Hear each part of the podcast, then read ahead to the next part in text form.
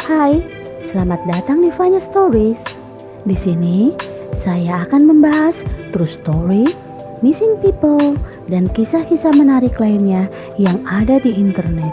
So, let's get to the story. Polisi menemukan enam mayat dari satu keluarga Bangladesh di sebuah apartemen di kota Dallas, Texas, Amerika Serikat. Jenazah mereka ditemukan pada Senin 5 April 2021 pagi waktu setempat. Polisi menggambarkan insiden itu sebagai pelenyapan nyawa orang lain, kemudian mengambil nyawanya sendiri. Polisi Allen mengungkap insiden itu setelah menerima telepon sekitar pukul 1 pagi hari dari seorang teman keluarga yang khawatir salah satu putranya mengakhiri hidupnya sendiri. Setelah menemukan surat yang meresahkan di Instagram dari Farhan Tauhid yang mengaku telah menghabisi keluarganya. Kami pergi ke lokasi untuk melakukan pemeriksaan kesejahteraan pada individu itu dan melalui penyelidikan petugas di tempat kejadian dengan cepat menyadari bahwa ada enam orang yang meninggal di kediaman itu, kata Sergeant John Felty dari Departemen Kepolisian Allen. Farhan Tauhid 19 tahun dan kakak laki-lakinya Tanfir Tauhid 21 tahun secara sistematis melepaskan timah panas ke arah ibu, ayah, saudara perempuan, dan nenek mereka di rumah keluarga Allen selama akhir pekan sebelum mengarahkan senjata itu pada diri mereka sendiri. Itu tragedi yang tidak terlukiskan, kata Sergeant John Felty. Keempat anggota keluarga itu adalah Tauhidul Islam, sang ayah 54 tahun, Iron Islam, sang ibu 56 tahun, Altafun Nesa, sang nenek 77 tahun, dan Forbin Tauhid, sang adik yang juga adalah saudara kembar Farhan Tauhid.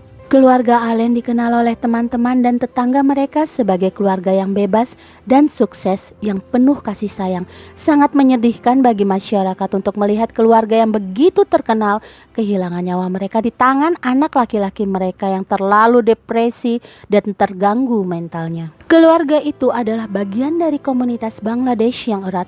Mereka memiliki kerabat di Florida, Amerika Serikat. Ketika saya mendengar berita itu, saya tidak bisa bernafas selama 20 hingga 30 menit.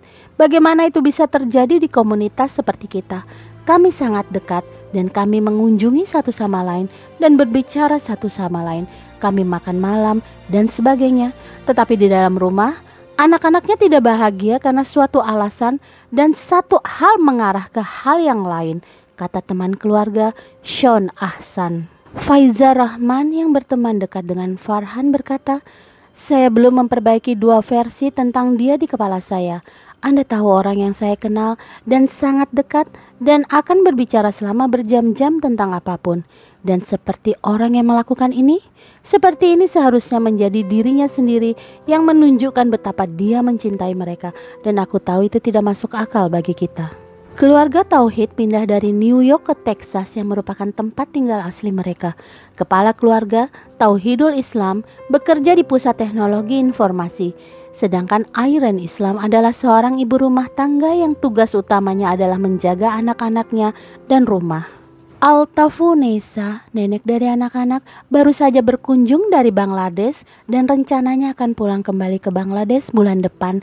Namun sayangnya karena pembatasan, karena pandemi virus corona, rencana perjalanannya dibatalkan. Farhan Tauhid adalah mantan mahasiswa yang mengambil kelas ilmu komputer di University of Texas di Austin. Dia putus sekolah setelah berbicara tentang kesehatan mentalnya dengan teman sekamarnya di kampus. Dan dia mengatakan dalam catatan terakhirnya bahwa dia diusir dari kampus. Tetapi menurut juru bicara dari University of Texas di Austin, mereka mengatakan bahwa Farhan Tauhid secara sukarela mengundurkan diri dari sekolah pada bulan Januari tahun ini dan bahwa kontrak asramanya dibatalkan setelah dia mengundurkan diri. Jadi jelas ada beberapa info yang bertentangan antara catatan terakhir Farhan Tauhid dan juru bicara dari kampus itu sendiri. Sedangkan Tanfir Tauhid, kakak laki-laki Farhan, mereka kuliah di universitas yang sama, tetapi tidak jelas apakah mereka putus kuliah bersama atau dia yang duluan drop out ataukah sebaliknya Farhan yang lebih dulu meninggalkannya. Sementara Fabrin Tauhid, saudara kembar Farhan, adik Tanfir mendapatkan beasiswa di New York University setelah menerima Fulbright Scholarship Award. You know, dari luar Ini adalah keluarga yang sempurna yang tidak pernah terpikirkan oleh siapa pun akan berakhir dengan cara yang begitu tragis. Polisi mengatakan Farhan Tauhid menautkan catatan akhir hidupnya yang panjang di Instagramnya. Di dalamnya dia menulis, Hai semuanya, saya mengambil nyawa saya sendiri dan saya menghabisi keluarga saya.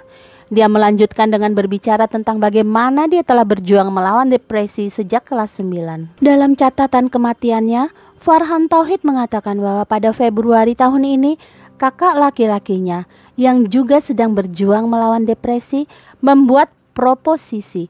Dia menulis bahwa saudaranya berkata, "Jika kita tidak dapat memperbaiki semuanya dalam setahun, kita akan mengakhiri hidup kita sendiri dan keluarga kita." Rencananya sederhana, kami mendapatkan dua senjata. Saya mengambil satu dan menghabisi nyawa saudara kembar perempuan saya dan nenek saya. Sementara saudara laki-laki saya menghabisi orang tua kami, kemudian kami keluar sendiri. Tetangga melaporkan tidak mendengar suara letusan, sehingga polisi tidak pernah khawatir dengan adanya senjata di daerah itu sejauh ini. Tidak ada penjelasan selain depresinya yang disebutkan mengapa Farhan Tauhid diduga memutuskan untuk melaksanakan rencana tersebut. Jika saya mengakhiri hidup saya saja, mereka akan sengsara, tulisnya.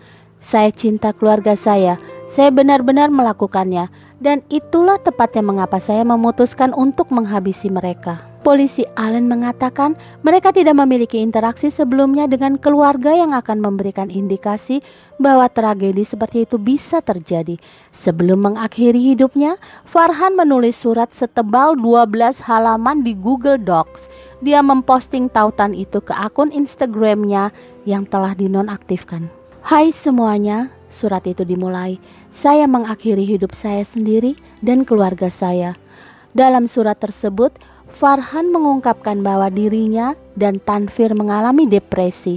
Adik laki-laki itu menulis, "Izinkan saya menjelaskannya. Siapa pun yang mengenal saya tahu bahwa saya beroperasi dengan logika murni." Lanjut Farhan.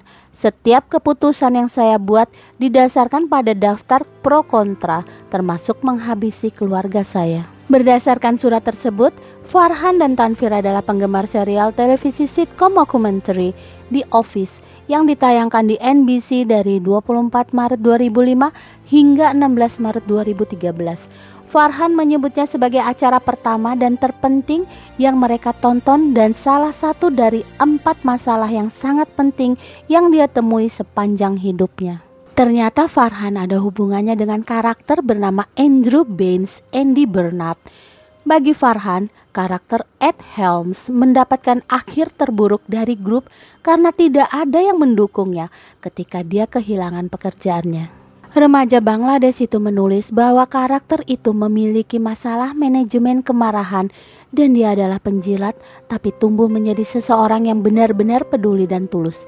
Bagi Farhan, The Office seharusnya berakhir ketika karakter Steve Carell, Michael Scott pergi karena akhirnya berantakan. Kita pantau terus sampai 21 Februari 2021, tulis Farhan. Itu adalah hari ketika kakak laki-laki saya datang ke kamar saya dengan sebuah proposisi. Jika kita tidak dapat memperbaiki semuanya dalam setahun, kita akan mengakhiri hidup kita sendiri dan keluarga kita. Dari satu tahun, kedua saudara itu mengubah waktu tunggu menjadi satu bulan. Dia juga menyebutkan dalam surat itu bahwa dia memiliki lebih banyak untuk dikatakan. Tapi hey, hidup ini singkat. Kami akhirnya menyadari bahwa kami hanya menunggu waktu kami, tulis Farhan. Menunggu satu tahun terlalu lama, kenapa tidak menunggu sebulan? Pada sore hari tanggal 29 Maret 2021, Departemen Kepolisian Allen mengkonfirmasi bahwa Tanfir dapat membeli senjata secara legal baru-baru ini. Farhan menulis bahwa sangat mudah bagi saudaranya untuk membeli senjata dan tindakan pengendalian senjata di Amerika adalah sebuah lelucon. Cukup jelas bahwa pernyataannya cukup emosional sebelum dia meninggal dalam usia semuda itu dan tidak berpendidikan. Dia tidak mengerti bahwa setiap negara bagian memiliki persyaratannya sendiri.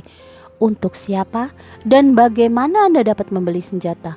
Tapi karena dia tinggal di Texas, saya yakin cukup mudah untuk mendapatkannya di sana. Jika Anda lulus pemeriksaan latar belakang dan cukup umur dan Anda mengisi semua dokumen yang diperlukan. Farhan menjelaskan, saya akan mengatakan satu-satunya bagian yang sulit dari rencana itu adalah mendapatkan senjata. Tapi itu bohong. Yang harus dilakukan saudara laki-laki saya adalah pergi ke toko senjata, mengatakan sesuatu tentang menginginkan senjata untuk pertahanan rumah, menandatangani beberapa formulir, dan hanya itu. Ada pertanyaan yang menanyakan apakah dia memiliki penyakit mental, tapi dia bisa berbohong, bukan? Dia hanya mengatakan tidak. Mereka tidak memiliki bukti, atau apakah dia sedang minum obat? Terima kasih telah membuat prosesnya begitu mudah. Tidak peduli apa yang saya lakukan, saya tidak bisa bahagia. Aku Farhan. Pada Januari 2021, ia mengundurkan diri dari University of Texas di Austin, di mana dia belajar ilmu komputer dan menyebutkan depresi sebagai alasan mengapa ia terpaksa putus sekolah. Saya mengalami depresi sejak kelas 9 tahun 2016, tulis Farhan. Bukan depresi, saya gagal tes depresi saya. Yang dikatakan semua orang lebih seperti saya hanya melukai diri sendiri dua kali hari ini. Itu lebih baik dari biasanya. Dan seorang teman Farhan dari sekolah saya kira menyebutkan bahwa itu bukan pertama kalinya dia menemukan Farhan memotong dirinya sendiri ketika dia masih hidup.